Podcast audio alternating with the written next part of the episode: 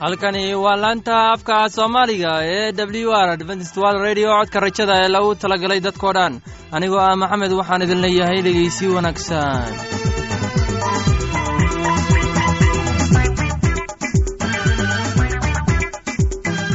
barnaamijyadeena maanta waa laba qaybood qaybta koowaad. Waxaad ku maqli doontaan barnaamijka caafimaadka. Uu inoo soo jeedinaya shiino. Kadib waxaa inoo raacaya cashar inaga imanaya bugga nolosha. Uu inoo soo jeedin doona cabdulaahi labadaasi barnaamij ee xiisaha leh waxaa inoo dheer. Heese daabacsan oo aynu idiin soo xulnay kuwaas aynu filayno inaad ka heli doontaan. Dhegeystayaasheenna qiimaha iyo khadradda lahow waxaynu kaa codsanaynaa inaad barnaamijkeenna si habboon u dhegeysataan haddii aad wax su'aalaha qabto ama aad haysid wax tala ama tusaale fadlan inala soo xiriiri dib ayaynu kaaga sheegi doonaa ciwaankeenna bal intaynan u gudagalin barnaamijyadeena xiisaha leh waxaad marka hore ku soo dhowaataan heestan daabacsan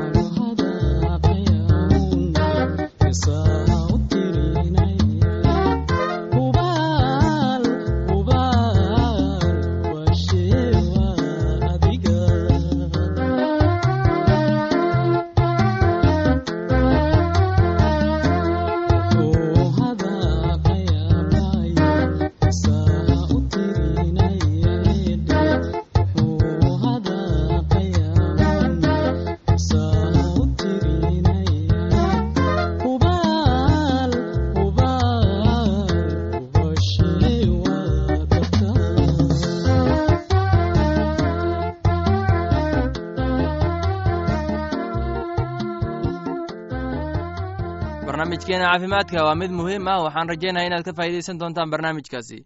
Barnaamijku wuxuu ka hadli doonaa calaamadaha rixda naasaha waxaana inoo soo jeedinaya shiino ee dhegeysi wacaan waxaan filayaa inaad ka faa'iidaysateen heestani. Haddana waxaad ku soo dhowaataan barnaamijkii doktor luuq ee caafimaadka. Doktor luuq muxuu ka leeyahay xiriirka u dhexeeya caafimaadka iyo cuntada. Maanta doktor luuq wuxuu ka hadli doonaa xiriirka u dhexeeya caafimaadka iyo cunnada tani waa muhiim sida aan dhammaanteen nahay cunno iyo waxa aan cuni aynu sababo kala duwan ayay naga sameeyaan. Doctor luuq wuxuu bilaabi doonaa isagoo noo sheegaya sheeko ku saabsan wuxuu leeyahay su'aalo caafimaad iyo cunno.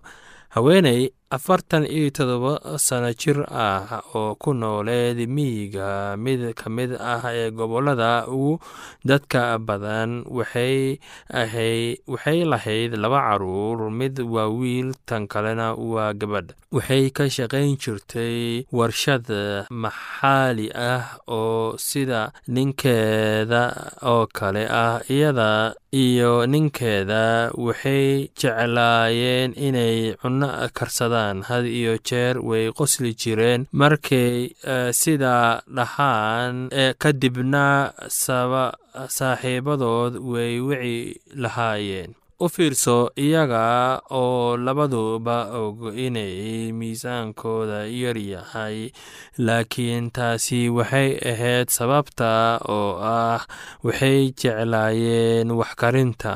Iyaga iyo asxaabtooda waxay jeclaayeen inay cunaan wax karitaankooda aadka u fiicnaa si kastaba ha noqotee labadooduba way ogaayeen inay isku dayaan inay culayska sii daayaan.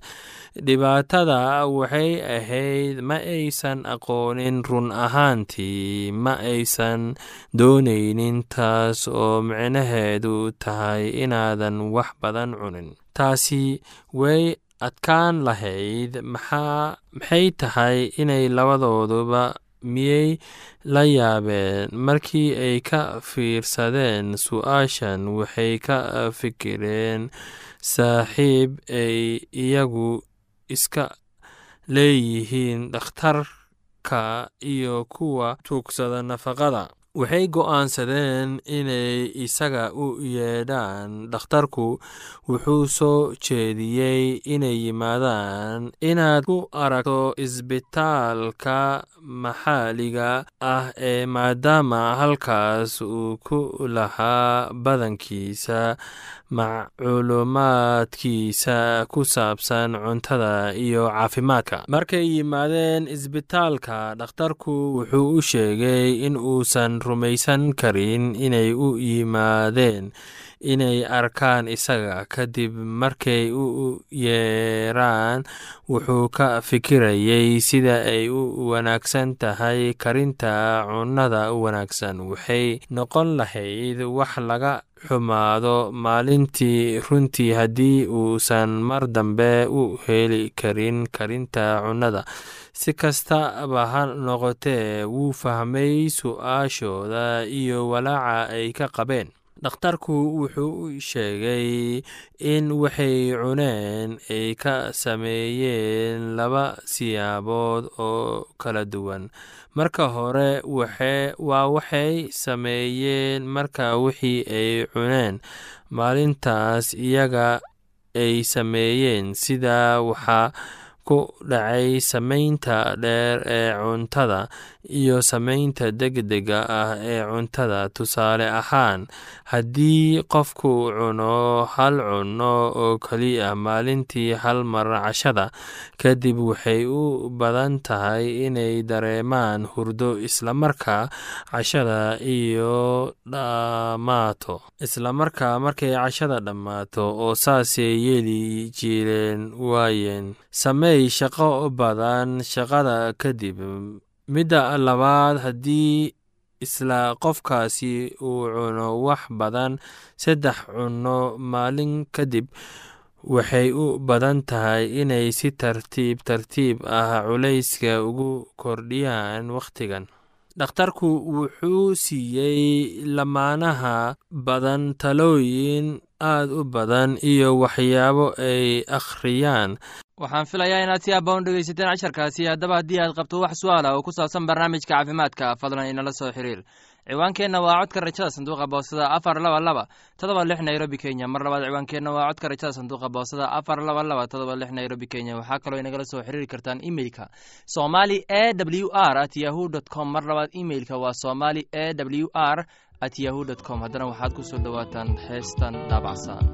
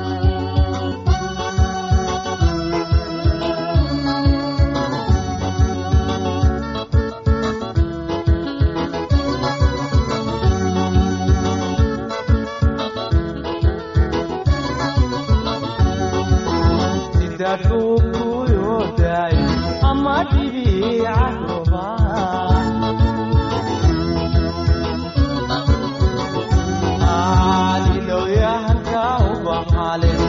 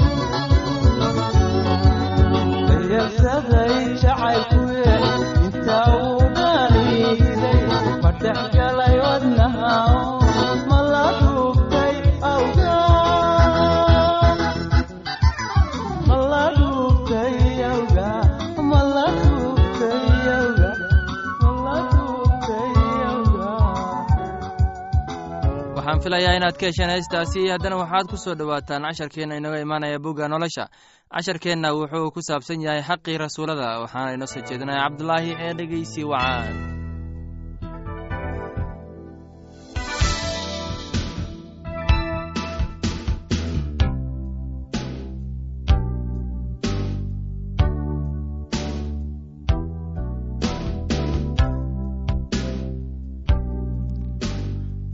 maantana dhegaystayaasheenna sharafta lahow waxaynu eegaynaa wixii rasuulkii xaqiisu ahaa ee uu sii daayey.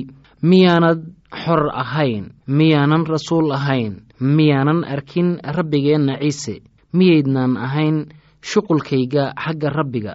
Xataa haddaanan kuwa kale rasuul u ahayn idinka waan idin nahay waayo waxaad tihiin shaabadda rasuulnimadayda xagga rabbiga. Daafacaddayda aan kuwa i imtixaama iskaga daafaco waa tan. Miyaanan annagu jid u lahayn inaannu wax cunno oo wax cabno.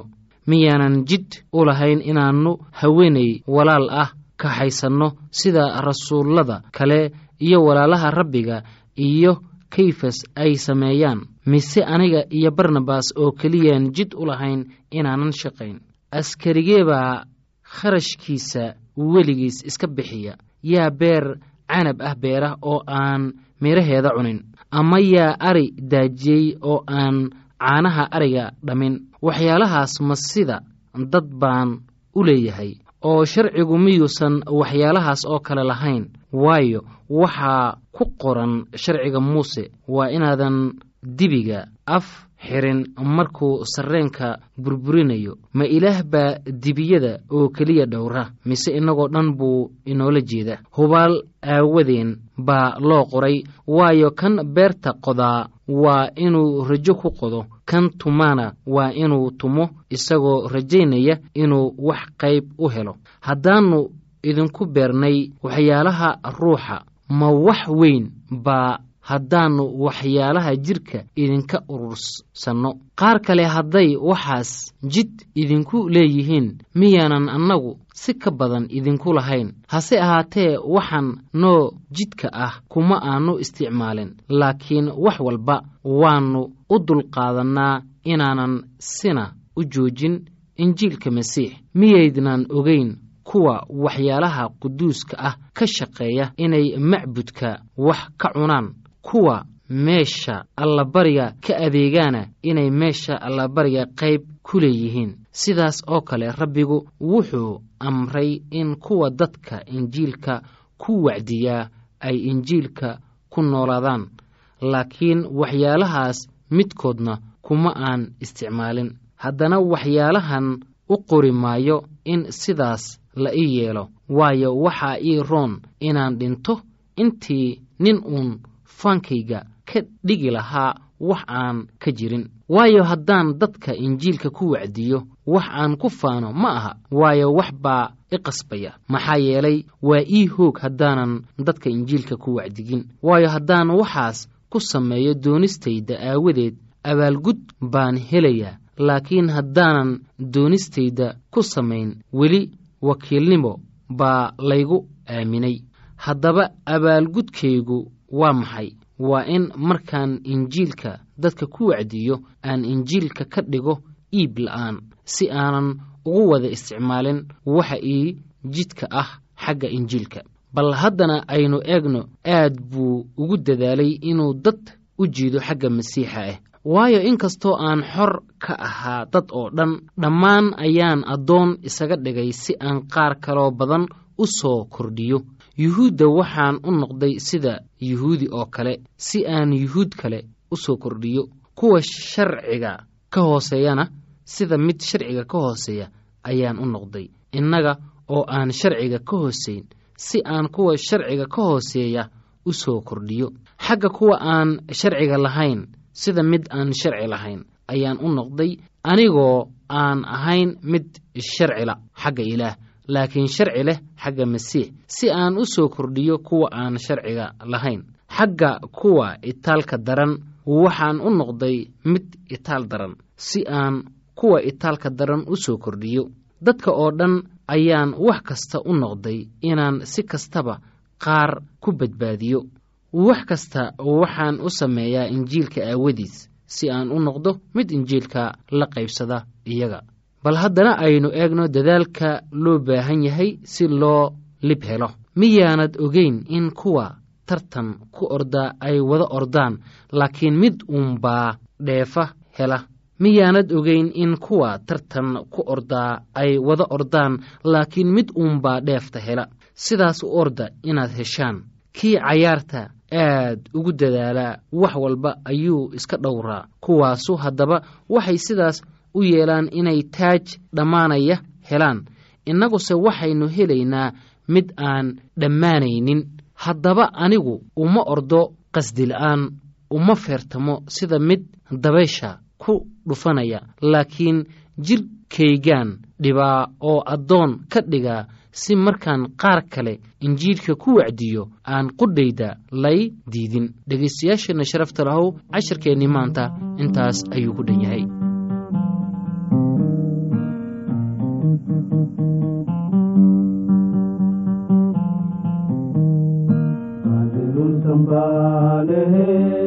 wainaan badbaado helaa baadilun sambaanehe wainaan badbaado helaa badbaado helaa badbaado helaa baadilun sambaanehe wainaan badbaado helaa babarru kabaanehe wainaan bogsiin helaa barbarru kabaanehe wainan bogsiin helaa bogsiin helaa bogsiin helaa barbarru kabaanehe wainan bogsiin helaa barar baxsadaanehe wainan bixiya helaa barar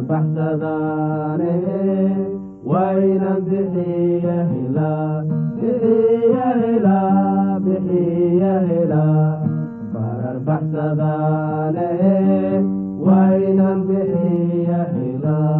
laanta soomaaliga ee w r codka rajada waxay sii daysaa barnaamijyo kala duwan waxaana ka mid ah barnaamij ku saabsan kitaabka quduuska oo aan mar weliba sheegno oo ay weeliyaan barnaamijyo isugu jira caafimaad nolosha qoyska iyo heeso aad u wanaagsan oo aad ku wada maqsuudi doontaan. Casharkaasi inaga yimid bogga nolosha ayaynu ku soo gogweyneynaa barnaamijyadeena maanta halkaad inagala socoteen waa laanta afka soomaaliga ee codka rajada ee lagu talagalay dadkao dhan. Haddaba haddii aad doonayso inaad wax ka korsato barnaamijka caafimaadka barnaamijka nolosha qoyska ama aad doonayso inaad wax ka barato bugga nolosha fadlan inala soo xiriir ciwaankeenna waa codka rajada sanduuqa boostada afar laba laba todoba lix nairobi kenya. Mar labaad ciwaankeenna waa codka rajada sanduuqa boostada afar laba laba todoba lix nairobi kenya. Waxaa kaloo inagala soo xiriiri kartaan emeilka somali e w r at yahu dt com. Mar labaad emeilka waa somali e w r at yahu dt com. Dhegeystayaasheenna qiimaha iyo khadradda lahow meel kasta aad joogtaan. Intaan mar kale hawada dib ugu kulmayno. Anigoo ah maxamed waxaan idin leeyahay sidaas iyo nabadgelyo